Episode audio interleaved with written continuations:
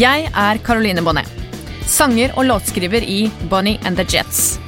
Jeg har mange år bak meg med undring og vandring i dette sammensuriet av et musikalsk Texas som kalles musikkbransjen.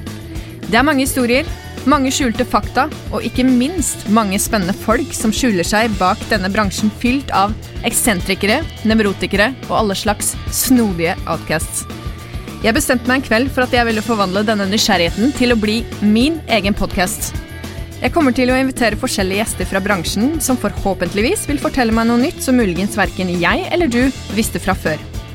Hver episode vil kunne belyse kjente og kanskje ikke fullt så kjente sider av nettopp musikkbransjen. Dette er hashtag bransjen.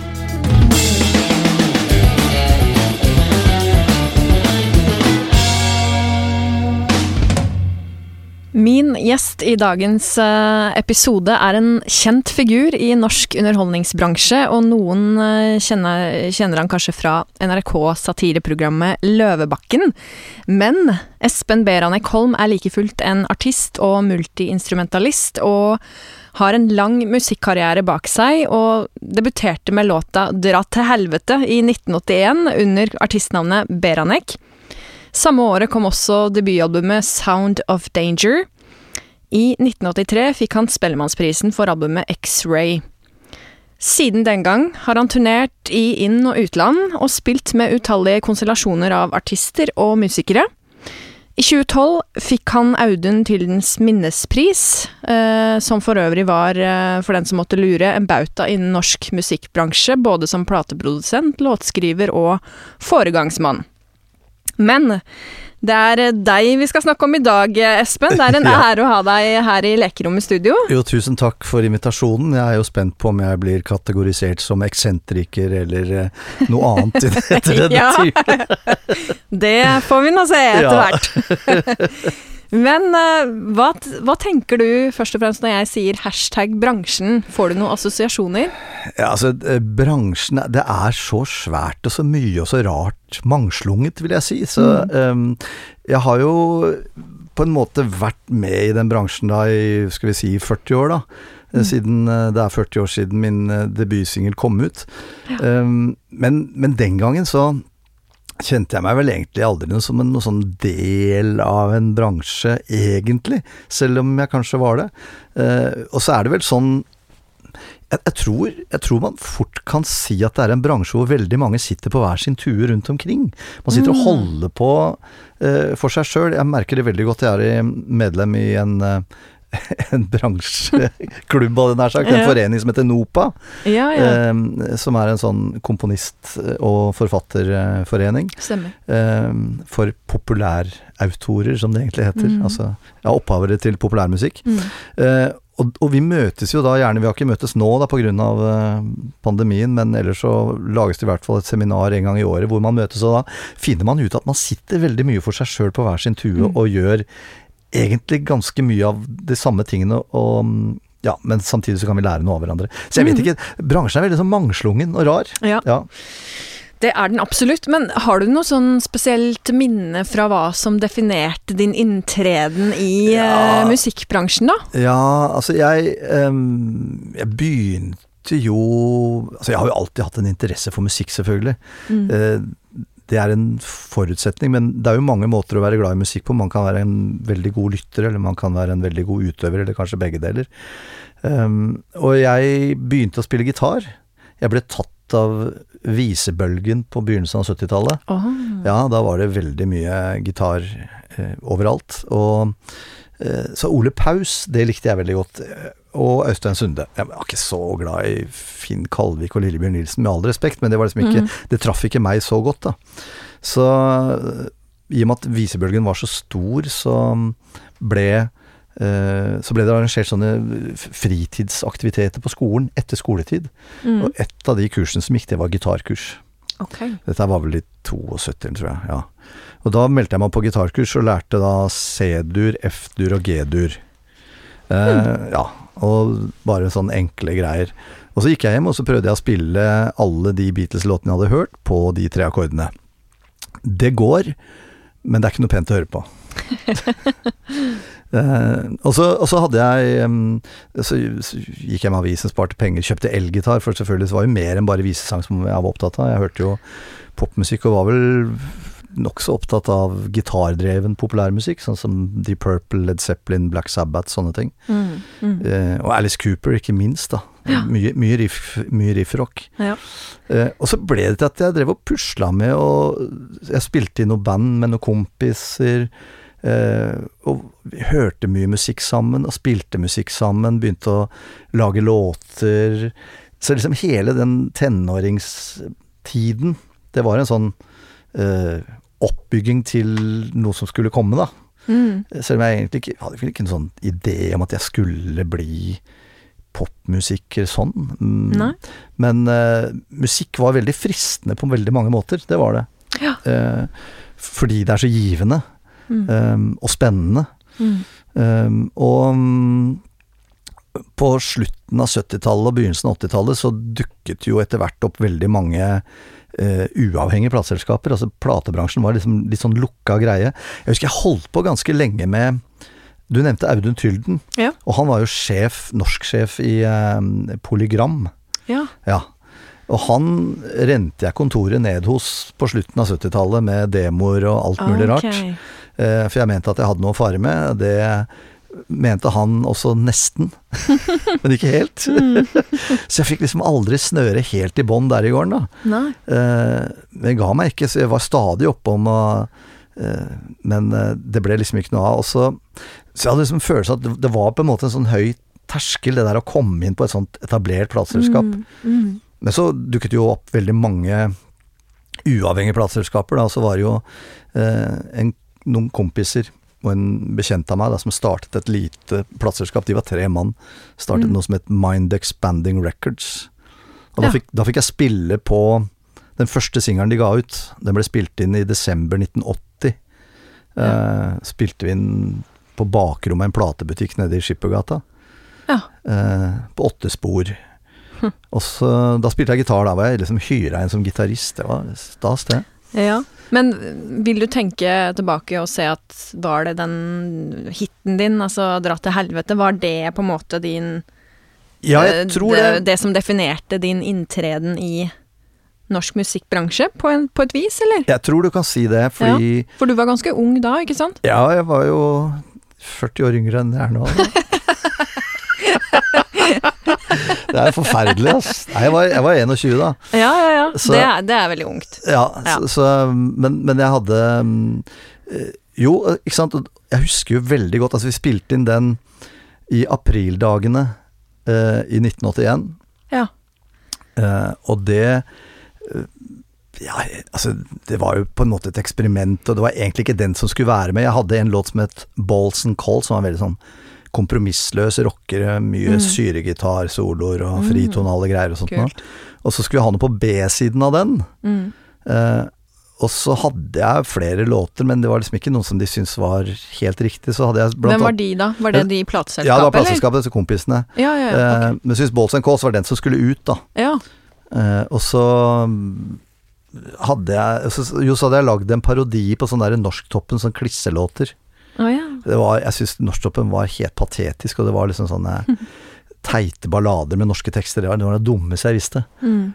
Eh, så jeg hadde lagd en låt eh, som het eh, 'Inn til din kjærlighet'. Det var en sånn krysning mellom 'Goodbye Yellow Brick Road' og 'Let It Be'. Det helt forferdelige greier. Eh, men det, nei, det var en fin låt, men det, det, jeg tror ikke de skjønner den parodien, så har du ikke noe annet. Mm. Jo, jeg har en sånn andre enden av skalaen, en sånn Ja. svart, svarterock-tullelåt, egentlig. For det var en del svartrock, og alt var så byen og faen og helvete, og nå er det dop og Ja, for var... jeg er veldig nysgjerrig på historien bak Ja. den låta. For den har jo mye historie rundt selve utgivelsen og Ja, på en måte Altså, den ble jo blant annet uh, Hva skal jeg si NRK ville ikke spille den, var det sånn? ja det var Fordi, sånn. Ja, det var fordi sånn. den var for drøy, Ja, på et vis. Ja, det, det var jo sånn så, så hadde jeg den låta, så fant vi ut jo den skulle vi spille inn, så, men da ble det side norsk og side engelsk. Ja, men det er ikke så farlig. Mm. Men den kom tilbake fra pressingen, så sto det side A, dra til helvete, side B, Balls and Calls. Det syns jeg var litt pussig, da. Mm. Men vi var jo enige om at den svingte jo egentlig litt mer enn Balls and Calls, den der dra til helvete-greia. Ja. Men så husker jeg at jeg fikk en eske med jeg lurer på om det var 50 singler eller noe sånt, ja, i en sånn eske. Ja. Jeg tenkte herregud, hvordan skal jeg bli kvitt alt dette her? Det var jo sanseløst mye. Eh, vi begynte å selge det til butikker og venner og kjente, og alle skulle få høre denne låta. Mm. Eh, og så ble den vel sendt inn til NRK, og det var det eneste som spilte plater, da. Mm. Um, og de spilte den. Ja. Og så russen trykket til, til sitt bryst den gangen. Eh, så det var russelåt for veldig mange i 1981. Var det det? Ok. Ja, Ja, det var det. Når, når var den kommet da? Den kom, kom ut rett altså månedsskiftet april-mai, tenker jeg. Så det tok ikke så lang tid fra dere spilte den inn til den faktisk var ute? Nei, det gikk Nei. veldig fort, det, altså. Ja. Eh, og det var noen presserier eh, i, i Norge, i hvert fall. Jeg husker ikke om det var i Oslo, det husker jeg ikke. Nei. Hvor lenge før var det du hadde skrevet låta, da? Nei, den var jo Det var sikkert gjort i løpet av vinter... Jo, nei, det var nok gjort sånn januar-februar, kanskje. Ja, nok, ja. Noe sånt, ja. Så det var ganske kjapt. Den var ganske fersk for deg òg, på Ja, et vis? det. Ja. det, var det. Og så kom den ut, og så, og så gikk det veldig bra. Og det gikk veldig bra. Og Ja. det første opplaget på 1000X, det forsvant. Mm. For man, altså, man måtte trykke 1000X, ikke sant. Ja. Uh, og så forsvant det, og så nærmere å trykke nytt opplag, da. Uh, og det forsvant enda fortere. Ja. Og det bare akselererte utover sommeren. Eh, og den begynte å krype oppover på salgslistene da, i, i Dagbladet Mm. og VG. Og mm, så kom den inn på ti i skuddet. Ok. Ja. Mm. Og der tror jeg den var var i hvert fall med i én uke. Eh, og så smalt det vel, det var vel sånn ute i september, og da Da var det altså Jeg tror vi hadde solgt 10 000 eller noe sånt, jeg, da. Ja. Det var, noe, det var helt voldsomt. Altså, det var en veritabel slager. Mm. Eh, da kom Bjartmar Gjeide eh, i avisen og sa at nei, dette kan vi ikke spille lenger. ja. For da hadde de fått klager, da. Og så hadde de opp i Kringkastingsrådet, så man fant nei, det kan ikke Nettopp. spille. Ja. Og så- det interessante er da, er at uh, for eksempel en låt uh, som heter Bobby Brown Frank Zappa hadde jo den Ja, for ja. Et, par, et par år tidligere, ja, har jeg lest, og da, ja. 79, og den ble jo spilt på norske radioer, og det var jo ikke noe problem, men hvis man hører på den teksten, så er jo den ja, da, vel så altså, drøy, men kanskje ja. det har eh, med nordmenns dårlige engelskegenskaper å gjøre på den tida, da? Jeg vet ja, ikke. Ja, jeg tror nok eh, Jeg tror nok at eh, Jeg tror ikke det norske folk er så dårlig engelsk, men jeg tror at de norske redaktørene i NRK er, står til stryk. Jeg tror ikke de skjønner hva dette handler om. Eh, men eh, nei, så, men det, det som da skjedde, ikke sant, det var i og med at det var en så stor hit allerede, og så kom det fram at dette her ikke kunne spilles. Ja. Det var jo som å tenne på et bål med bensin. Så Ja. da eks eh, eh, eskalerte bare salget ytterligere. Mm. Så den, det dobla seg i løpet av eh, resten av det året og litt ut i neste år også. Så det var, det var helt voldsomt. Så da spilte du konsert på konsert på konsert, da, med Nei, den låta sånn. primært? Nei, det var jo ikke sånn, for vi hadde jo Så hadde jeg jo en masse andre låter som Ja. var mer sånn i Balls and Calls-stilen, som skulle ut på LP. Og den begynte vi å jobbe med på sommeren der. Uh, og den kom ut i november samme år, og da var det veldig mange som syntes det var veldig pussig at den der Dra til helvete ikke var med, at det ikke var noe sånt i det hele tatt. Ah, ja. For den var jo helt annerledes. Um, men sånn var det, da. Så den, det var jo en, eh, en eh, I hvert fall en kommersielt sett totalt katastrofe. Mm. Fra å selge liksom 20 000 singler, så tror jeg vi solgte 2000 LP-er eller sånt. Okay. Sånn. ja. Og folk var sånn Nei, dette her var grusomt, og det var helt forferdelig. og Sånt, da. Men det var den unge kunstneren som viste seg da. ja. Det er jo alltid interessant hvordan en sånn såkalt mismatch på uttrykket Ja. kan overraske folk som da har hørt én låt av det respektive bandet, da, og så kanskje de på en måte føler at de har blitt litt sånn lurt, på et vis. ja, ikke sant? Ja, ja, ja. Men uh... Nei, så, det, så hadde vi jo Jeg hadde jo Jeg spilte sammen med noen kompiser. Uh, det er jo for så vidt en morsom historie. Jeg lurer på om det var 82, eller noe sånt. Kan ha vært det. Mai året etter. For det begynte å komme sånne henvendelser om at eh, noen som ville ha oss live, da. ja, ja. For jeg hadde jo ikke noe Det var jo ikke noe liveprosjekt, dette her. Det var jo bare meg i studio. Og så hadde jeg disse kompisene som jeg spilte litt sammen med. Uh, og mm, så sa jeg, men jeg har fått en henvendelse. Det var eh, russen i Trondheim. De ville ha de ville ha Beranek. Det skulle være flere band som spilte da i Nidarøhallen. Jeg tror det er det som heter Trondheim Spektrum i dag. Ok. Ja, og mm, så kom vi opp der, og vi var jo et forferdelig skrangelorkester. Vi hadde jo ikke noe særlig spilleerfaring i det hele tatt. Så det skrangla gikk, men vi spilte de låtene, da. Mm. Og så måtte jeg signere masse De hadde sånne der eh, hvite frakker i Trondheim. Russene i Trondheim har sånne hvite, Å, har de det? Ja, hvite legefrakker. Og Ok. fulle av autografer og alt mulig, så jeg måtte signere på dem. Og da husker jeg da var det en, en uh, trønder som sa til meg Hun sa at uh, vi har et band her i byen som spiller at det er helvete bedre enn dere. Ok, ja det tror jeg så gjerne, sa jeg da. Ja, og det bandet heter For Kids. Det syns jeg var veldig bra. Den var Ja. Takk for den, Lula. ja. Men det, ja, det, det, sto absolutt i tråden, så vi var et forferdelig skrangelorkester, altså. Men jeg syns, jeg syns jo egentlig at det var ganske fascinerende og morsomt at russen året etterpå ville, Ja, ja, ja. Ha, ville ha dere til å spille. For det, det er jo sånn russegreie at det, hvert års Ja, av russ ja, har jo hver sin låt. Ja. Men den var jo så slager at de trodde den kom til å på en måte gjøre ett år til. Ja, da, nei, den, den, den gjorde Den levde jo godt, altså. Det Mm. rare med den låta er at jeg har jo ikke eh, Altså, for, for meg så, så Jeg prøvde å gjøre andre ting enn det i årene som fulgte, og det var jo veldig stas å bli belønt med Spellemannpris eh, for 83-albumet X-Ray, som, som Mm. var mer i tråd med det jeg hadde tenkt jeg skulle gjøre hele veien. Ja, for det var også ikke sant, soloprosjektet ditt. Ja, absolutt, absolutt, Mm, altså. mm. Eh, men, eh, men samtidig så var det liksom noe med at den her dra til helvete, den, den heftet ved meg hele tiden. Jeg måtte liksom Ja. alltid ha med den. Jeg synes det var, det var plagsomt etter hvert. Ja. Så jeg, jeg, jeg hadde ingen Jeg ville ikke ha noe med den å gjøre på flere år. Jeg spilte den aldri, jeg gjorde ikke Nei, noen ting. Det var nei. liksom bare helt, helt off. Mm. Uh, og så i Jeg lurer på om det var i 2007 eller noe sånt nå, så gjorde jeg da, da var det vel Apple som var på gang med iTunes, og du kunne kjøpe musikk digitalt. Mm. Og i Norge så var man ganske tidlig ute med noe som het Fonofile, Ja. som var en sånn digital butikk. Og var veldig, veldig tidlig ute i verdenssammenheng. Så da gjorde jeg eh, Dra til helvete og X-Ray og Trigger, de to albumene der, gjorde jeg Mm. tilgjengelig i den tjenesten. ja. Bare sånn for å ha gjort det, liksom. Og for å se Dette var jo før Spotify. Mhm. Eh, men, men jeg har aldri gjort Det er det eneste jeg har gjort med den låta i alle de årene etterpå, ikke sant. Mm. Eh, men allikevel så spilles den låta der ca. Jeg tror det er en sånn 7000-8000 ganger i måneden. jeg. Ja. Den strømmes liksom bare Tenk på Det det. går bare hele tiden. Det er mye. tiden. Ja. Jeg ser jo på statistikken at det er mye fredag og lørdag. Ja, ja, ja. Og så er det, og så er det lunsjen på tirsdag. Da lurer jeg på om det dukker opp en Hva var det de spilte i helga? ja, ja. Snakker de i lunsjen? Jeg vet ikke. Ja, det er pussige greier, altså. Det er pussig. Ja. Ja. Morsomt hvordan ting blir til, eh, og ja, hvordan én låt på en måte bare kan eksplodere som den gjorde, da, og så Så det er jo snåle greier, for noen tenker at det er det eneste jeg har gjort, eh, og dem om det. Ja, og, og, dem om det. an, og andre jeg har jobbet med, som, som jeg har jobbet ganske tett med over, over lengre perioder, som, hvor det plutselig går opp for dem at det var jeg som hadde den At det er jeg som er han der. sånn, ja. Det er så veldig morsomt. Oh, det det, ja, ja. ja, ja, det var det blir sånn Så det er corny. starstruck på, eh, På sånn- etterskudd. På etterskudd. Å nei! Ja, nei da, men, Mm. Eh, men eh, det jeg må si, i dag syns jeg det er gøy å ha gjort den. Jeg, Ja. jeg er stolt over det. Jeg, Ja. jeg har ikke noe problem med det. Jeg spiller den gjerne live.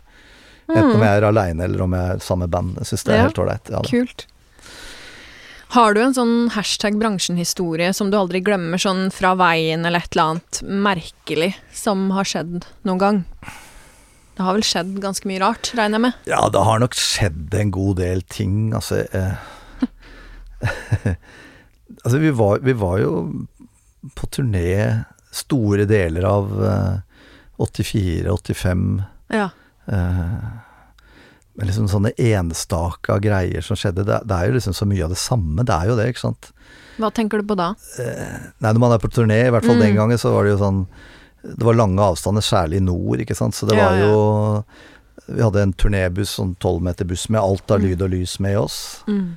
Og så var det Get-In over klokka fire, og så var det Showtime sånn i sju-åtte-tida, og så spilte vi vel til midnatt. Ja. Tre sett, et eller Mm. annet sånt noe. Og så var det vel fullt fyr i teltet etterpå. Ja. Og så var det å tumle inn på et eller annet hotell Mm. uh, utpå morgensida, og så var det opp klokka sju for å kjøre 30 mil til å rekke get-in Ja. klokka fire neste dag. Sånn holdt vi på. Men da, Mm. klart det går jo det når du er 20-25, men det Ja. Jo da, så det var skikkelig rockestjerneliv, det da. Det var det. Ja. Ja, det var det, altså. Uh, vi, vi, vi, hadde, vi spilte jo Vi hadde jo også noen jobber utaskjærs. Vi spilte vel Ja, vi spilte Stockholm, vi spilte Hamburg, Amsterdam, London New York spilte vi. Wow. Ja. Spilte på legendariske Hib, eh, Nei, hva heter det? CBGB. Ok. Hibby-Jibby, hører. CBGBs i, i Greenwich Village i New York. Kult. De hadde tiårsjubileum, det er en sånn punke, punkeklubb. Da. De er vel nedlagt nå, da. jeg tror jeg det fins et museum der, i hvert fall på nettet. ja. Ja. Altså, det, det var eksotisk. Men jeg husker, jeg husker noe som vi syntes var pussig. Vi var jo ikke Vi var jo ikke noe særlig tilhengere av eh, sentralstimulerende stoffer. Vi syntes, øl var godt, vi. Ja, ja. Eh, men da vi kom til, da vi, eh, vi kom til spillesteder i London og Tyskland og sånn, så var det jo aldri denne problem. Det var jo alltid skummenøl. Det var alltid, satt alltid litt lenger inne hos norske arrangører, det greiene ja med, med børst og sånn. Men så husker jeg vi kom til Melkweer i Amsterdam. Mm. Vi skulle spille der. Og så kom arrangøren og sa jo, eh, hva vil dere ha for noe? Ja, øl. Ja ja, selvfølgelig. Men hva vil dere ha? Altså, hva det, altså De sterkere tingene, hvis det er sånn mye amfetamin og sånn, så er det vanskelig å, å liksom Ja. Mengder av Nei, men vi skal ikke ha, vi skal bare ha øl. Are you serious? De trodde virkelig ikke at det var sant. De trodde at vi var liksom lagd liksom. av narkotika. Ja. Så det var eksotisk. Ja, ja. Og den gangen så var jo boksøl var noe av det dyreste du kunne tenke på. Det var bare for eksport, det. Oh, ja. Ja, boksøl i butikken, det fantes omtrent ikke. Det var kjempedyrt og sånn. Så husker jeg de kom bare som en sånn to kasser med Heineken på boks. Vi var i himmelen. ja. Men var det med ditt soloprosjekt du Ja, reiste det da, liksom, eller? ja, det var liksom Beranek Band het Beranek det, da. Band. Ja, så det var jo det opprinnelige skrangelorkesteret fra Trondheim som etter hvert trutna og ble såpass at vi kunne reise rundt og spille rundt omkring i Europa, og hele Norge selvfølgelig. Der kan du se. Beranek, eh, det navnet, hvor er det fra egentlig? Er det Det er um, tsjekkisk i utgangspunktet. Ja, Uh, mine, mine oldeforeldre var tsjekkere, Okay. som uh, min da farmor, hun de flyttet til Østerrike og Ungarn, så hun var født i Wien. Og da hun eh, gifte seg med Holm, så beholdt hun da, nokså sjeldent den gangen, men hun beholdt da sitt pikenavn som mellomnavn. Ja. Så hun het da opprinnelig Maria Beranek, og så beholdt hun da Beranek, så det ble Maria Beranek Holm. Så det er Beranek? Ja, I utgangspunktet så er det det på tsjekkisk, ja. Mm. Og noen steder så vil du se at det står med en sånn aksent over Ja. a-en. Eh, men, eh, men det høres liksom litt sånn hansenskaktig ut på, på norsk, det. litt sånn forfinet. Beranek. Ja, så Nei, men altså, jeg ja. syns, det er fint ja, å si det som det skal sies. Det er liksom, veldig forskjell på bonnet og bonett. Ja, det er jo det. Så det er jo det. det er jo sånn Bonnet. bonnet. Høres litt mer fancy ut, Ja. men det er jo sånn man sier det også. Så, Ja. ja. Nei, så det er bare som egentlig et familienavn som bare er brakt videre opp Ja. gjennom generasjonene. Da. Hmm. Så fint. Hva tror du er det folk flest misforstår med musikkbransjen? Eh, det kan være så mangt.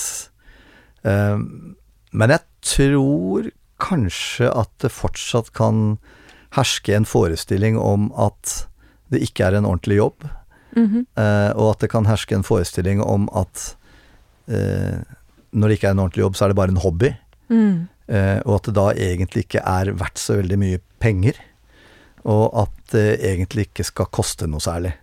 Ja. Eh, og noe som har eh, dessverre forseglet den vrangforestillingen, er jo blant annet strømmetjenestene. Spotify. Ja, strømmetjenestene. Ja.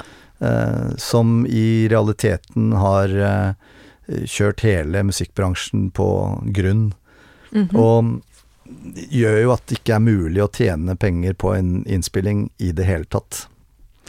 Det er jo egentlig ganske trist, sånn ja, sett. det er veldig trist. Mm. Og, og fordi, fordi at publikum også blir oppdratt til å tro at musikk er gratis, og som bare tyter ut av noe som ikke koster noe i utgangspunktet. Og det at det koster eh, studiotid og sånne ting er nå én ting, men at det koster også veldig mange års arbeid og innstudering og Ja. øving for Ja. å komme til et nivå som gjør Mm. at man kan presentere noe som faktisk noen kan like. Eh, Det- Og disse tingene tror jeg nok eh, fort kommer litt i bakgrunnen fordi eh, det er veldig mange gode musikere og artister rundt omkring som får det til å se og høres fryktelig lett ut. ja. Ja. Du har et poeng der, altså. Jeg tror Mm. det. Eh, Men jeg syns kanskje det, det største forbrytelsen er rett og slett strømmetjenestene. Mm. Mm. Du kunne jo Jeg, jeg syns det er en veldig bra lignelse jeg leste, jeg mener det var Jeg leste i hvert fall Helle Stensbakk brukte denne, denne sammenligningen at det koster 99 kroner i måneden, og Mm. da har du tilgang til all musikk i verden. Mm. Det samme ville være hvis du betalte 99 kroner i inngangsbillett på Oslo City, Mm. så kunne du gå inn i alle butikkene og hente ut alt hva du ville av varer. Ja. Med 99 kroner i måneden så kunne du gå inn og hente Mm. så mye du ville. Det Mm. er det strømmetjenesten gjør. Mm. Bortsett fra selvfølgelig de eierne som sitter i, i Stockholm og har kjøpt seg halve skjærgården der borte. Da. Det er jo de som Jo da, sitter med penga.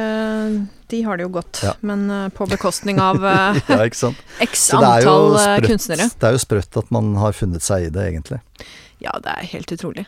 Det, det bør jo strengt tatt skje en slags eh, revolusjon på det her etter hvert. Hvor, derfor- eh, ja, og- hvor man tenker annerledes om det å på en Ja, det- måte eie musikken sin, da. Ja, og, Mm. og dette gjør jo igjen at, eh, at det levende markedet blir viktigere enn noensinne. Mm. Og at konsertbilletter er faktisk det som Ja.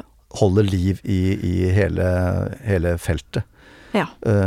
Og der har jeg også møtt på, kanskje ikke så mye i konsert- og musikksammenheng, men i teater- og revysammenheng så har jeg møtt på også veldig rare holdninger der. Mm. Ikke sant, At man da eh, løser billett på en forestilling, og så koster billetten kanskje 500-600 kroner, og så sier man Mm. "Det- dette var jo dyrt, dere går jo med støtte. Nei, vi gjør ikke det. Og det gjør ikke kulturlivet. Altså popkonserter og teater og alle sånne ting. Det er bare institusjonene som, som går med støtte. Ja. Eh, og det tror jeg også er en sånn ting som folk ikke tenker og ikke vet. Ja, det er sånn eksempel Musikkens dag, da, som i og for seg er en veldig sånn hyggelig greie. Ja. Og veldig sånn musikk tilgjengelig for alle, og kjøp deg en øl, og så kan du se Ja. tre forskjellige band på to timer. Altså, Ja. Men det er jo egentlig litt sånn streaming satt i eh, liveversjon. ja, egentlig så er det det. Egentlig er det det. Men uh, ja, for i hvert fall Oslo-publikummet, da. Mitt inntrykk er at veldig mange som har levd i Oslo en stund, har blitt veldig bortskjemte da, på Mm. hvilke konserter de kan dra på sånn og sånn, og så Mm. blir det fort at de tenker det er dyrt fordi det koster mer enn en øl Ja. å se et band på scenen, liksom. Ja. Det er bare sånn ok, nei, men eh, det greit, det. Ja, det er, det er pussig det der, altså. Mm. Så, um, jeg husker jo til og med på 80-tallet så, så, så kom det til et sånt punkt at jeg tenkte jeg kan ikke si ja til mer veldedighet nå, fordi at eh, bandet har ikke fått lønn på Mm. flere måneder. Mm. Vi, vi kan ikke spille for gratis for gode saker Nei. året rundt. Nei. Alt, det spiller ingen rolle hvor gode sakene er, men du kan Mm. ikke leve av det. Mm. Eh, Så sånn har det på en måte vært til alle tider, at eh, musikere og artister skal bidra gratis, mens alle andre skal Mm. heve full lønn. Ja, det er eh, ganske provoserende sånn sett i det perspektivet der i hvert fall, men, Ja. men tror du, eller har du et håp om at ting kanskje kan endre seg litt etter koronabølgen roer seg ned, eller? Ja, jeg vil jo håpe det, altså. At ting kommer noenlunde i gjeng igjen. Mm. Og det har jo vist seg at ok, disse her strømmegreiene og sånt, det var stas til å begynne med, men eh, Mm. det er jo ikke det samme som å være i en konsertsal og stå og, og digge et band sammen med mange andre mennesker. Nei. Det er jo en helt spesiell opplevelse, Ja. og en helt unik opplevelse, og det, det, skal, eh, det skal vi tilbake til. Og da skal det også løses inngangsbillett. ja. Amen.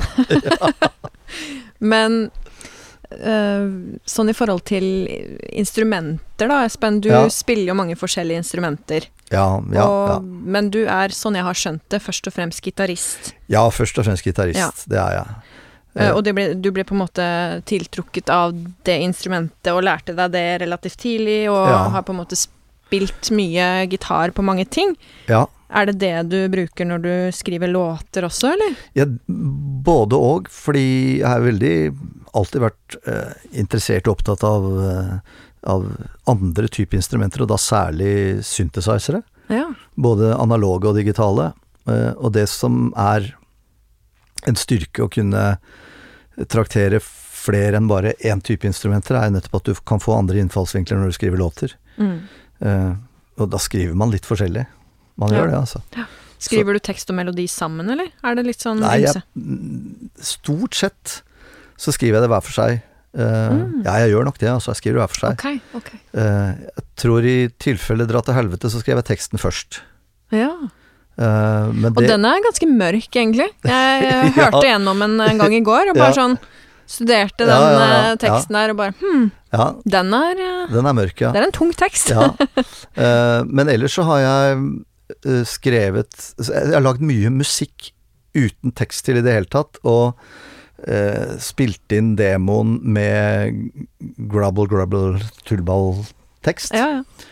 Eh, og så og så skrevet tekst til det etterpå. Fordi ofte så For, for meg så er det musikken som er det viktige. Det er stemningen i musikken. Mm. Um, og jeg syns det er mye enklere å skrive musikk først, og så lage melodier. Akkordprogresjoner og melodilinjer og riff og Mm. hooks og alt mulig sånt noe. Ja. Å få det ferdig, og så tenke tekst til det. Ja, ja, ja. Ja.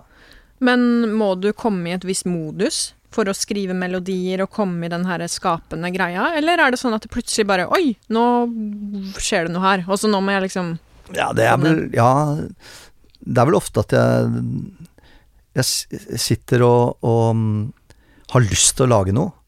Eh, og sitter og leker med ting, og det er ikke sikkert at det skjer noe akkurat da, men det kan gå over flere dager. Men Mm. jeg, jeg, jeg sparer på utrolig mange dårlige ideer før jeg Mm. kanskje lander noe som Dette kan bli noe, dette, Ja. dette kan være fint. Mm. Eh, så Og så tror jeg det er et sånt jeg, jeg trodde lenge at, ikke, at, det ikke var, at det ikke var et behov å lage musikk, men det har jeg funnet ut i løpet av de siste eh, ti årene at det er et behov. Ja. Um, jeg skrev nemlig veldig mye musikk til andres tekst i et eh, radioprogram som het Hallo i uken, Ja, eh, som er et satireprogram som gikk på P2 i 20 år.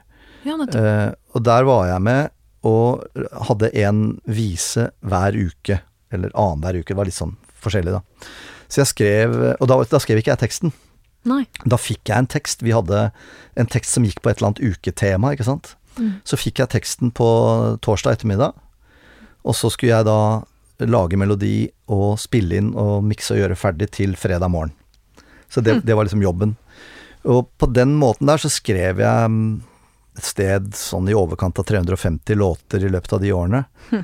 Eh, og så i 2009 så sluttet jeg i det programmet, og sluttet å lage sånn og tenkte at det var egentlig deilig, jeg har brukt opp alle ideene mine, jeg, har ikke, jeg tør, jeg, jeg, har, jeg er ferdig. Eh, Og så på sommeren året etter, så begynte det å Jeg måtte lage noe. Ja.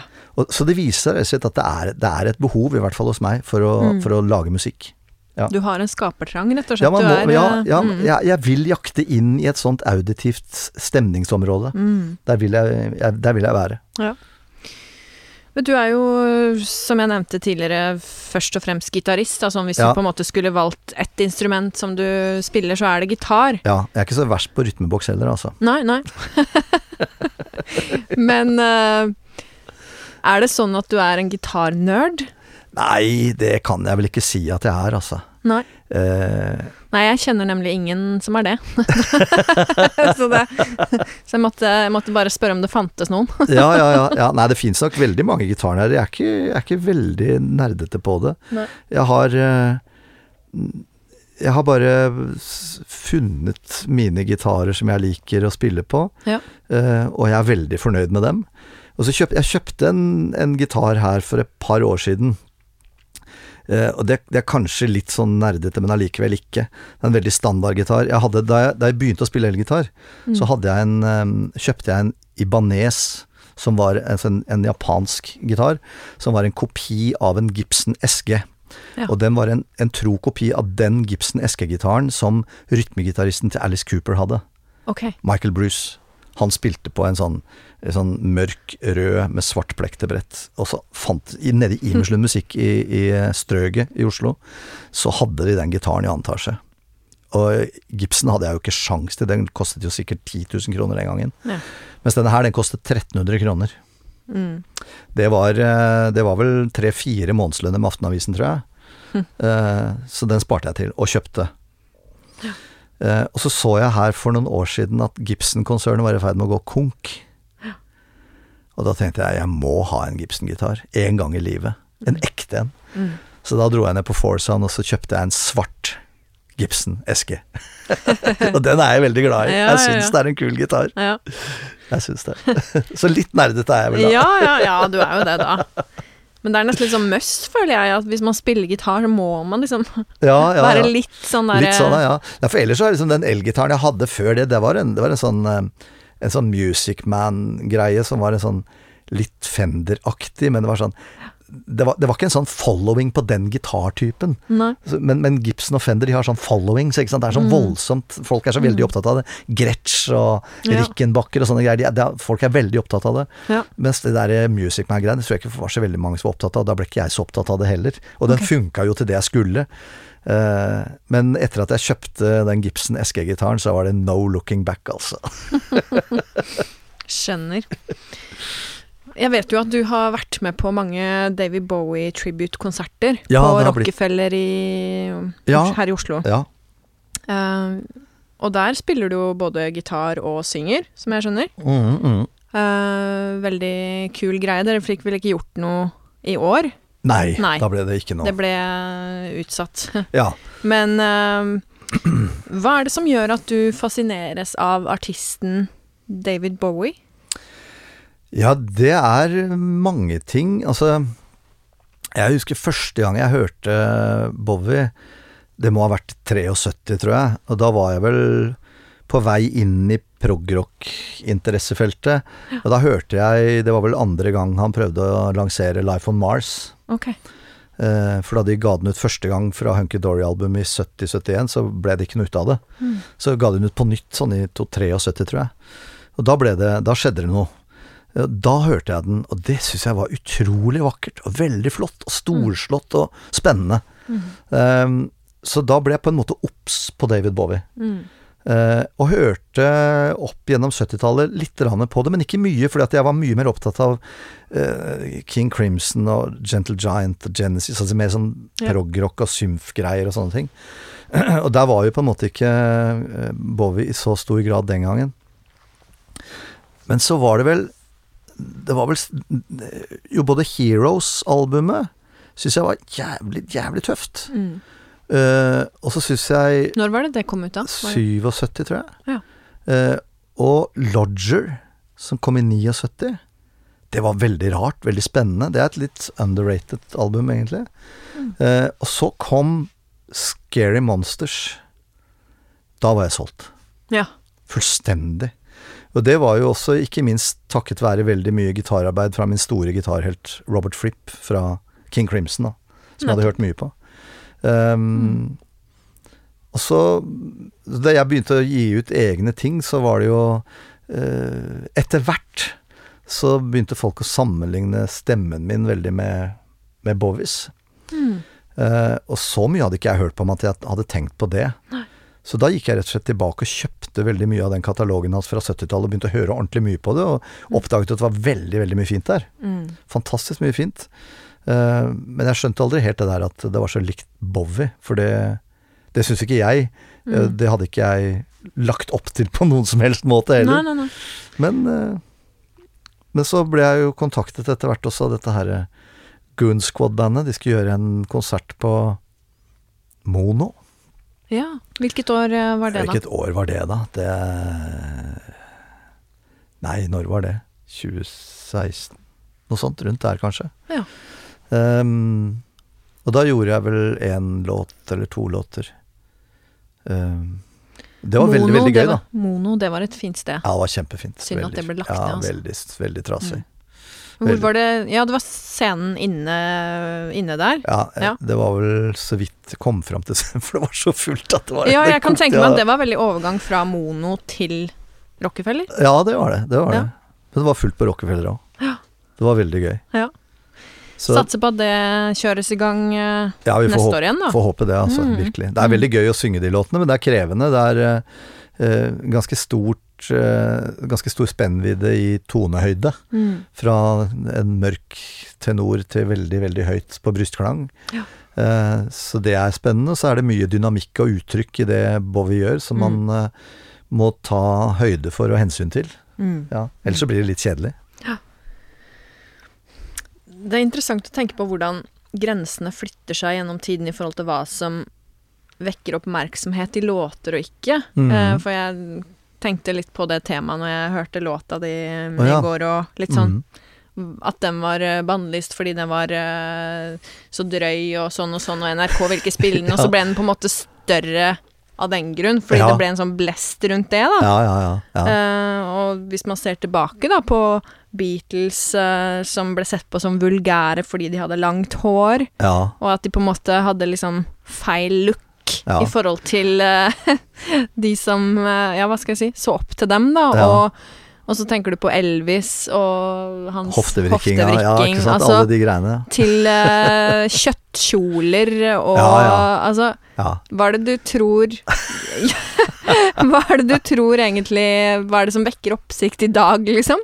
Kontra før? Altså, er det bare speisa nye ting som uh, gjør at hiter blir hits, eller er det Nei, det er ikke godt å si, og jeg er vel kanskje ikke rette mann å spørre heller. Jeg er jo en eh, mer enn middelaldrende hvit mann fra Oslo, så jeg vet ikke om jeg er rett mann å spørre om dette her, altså.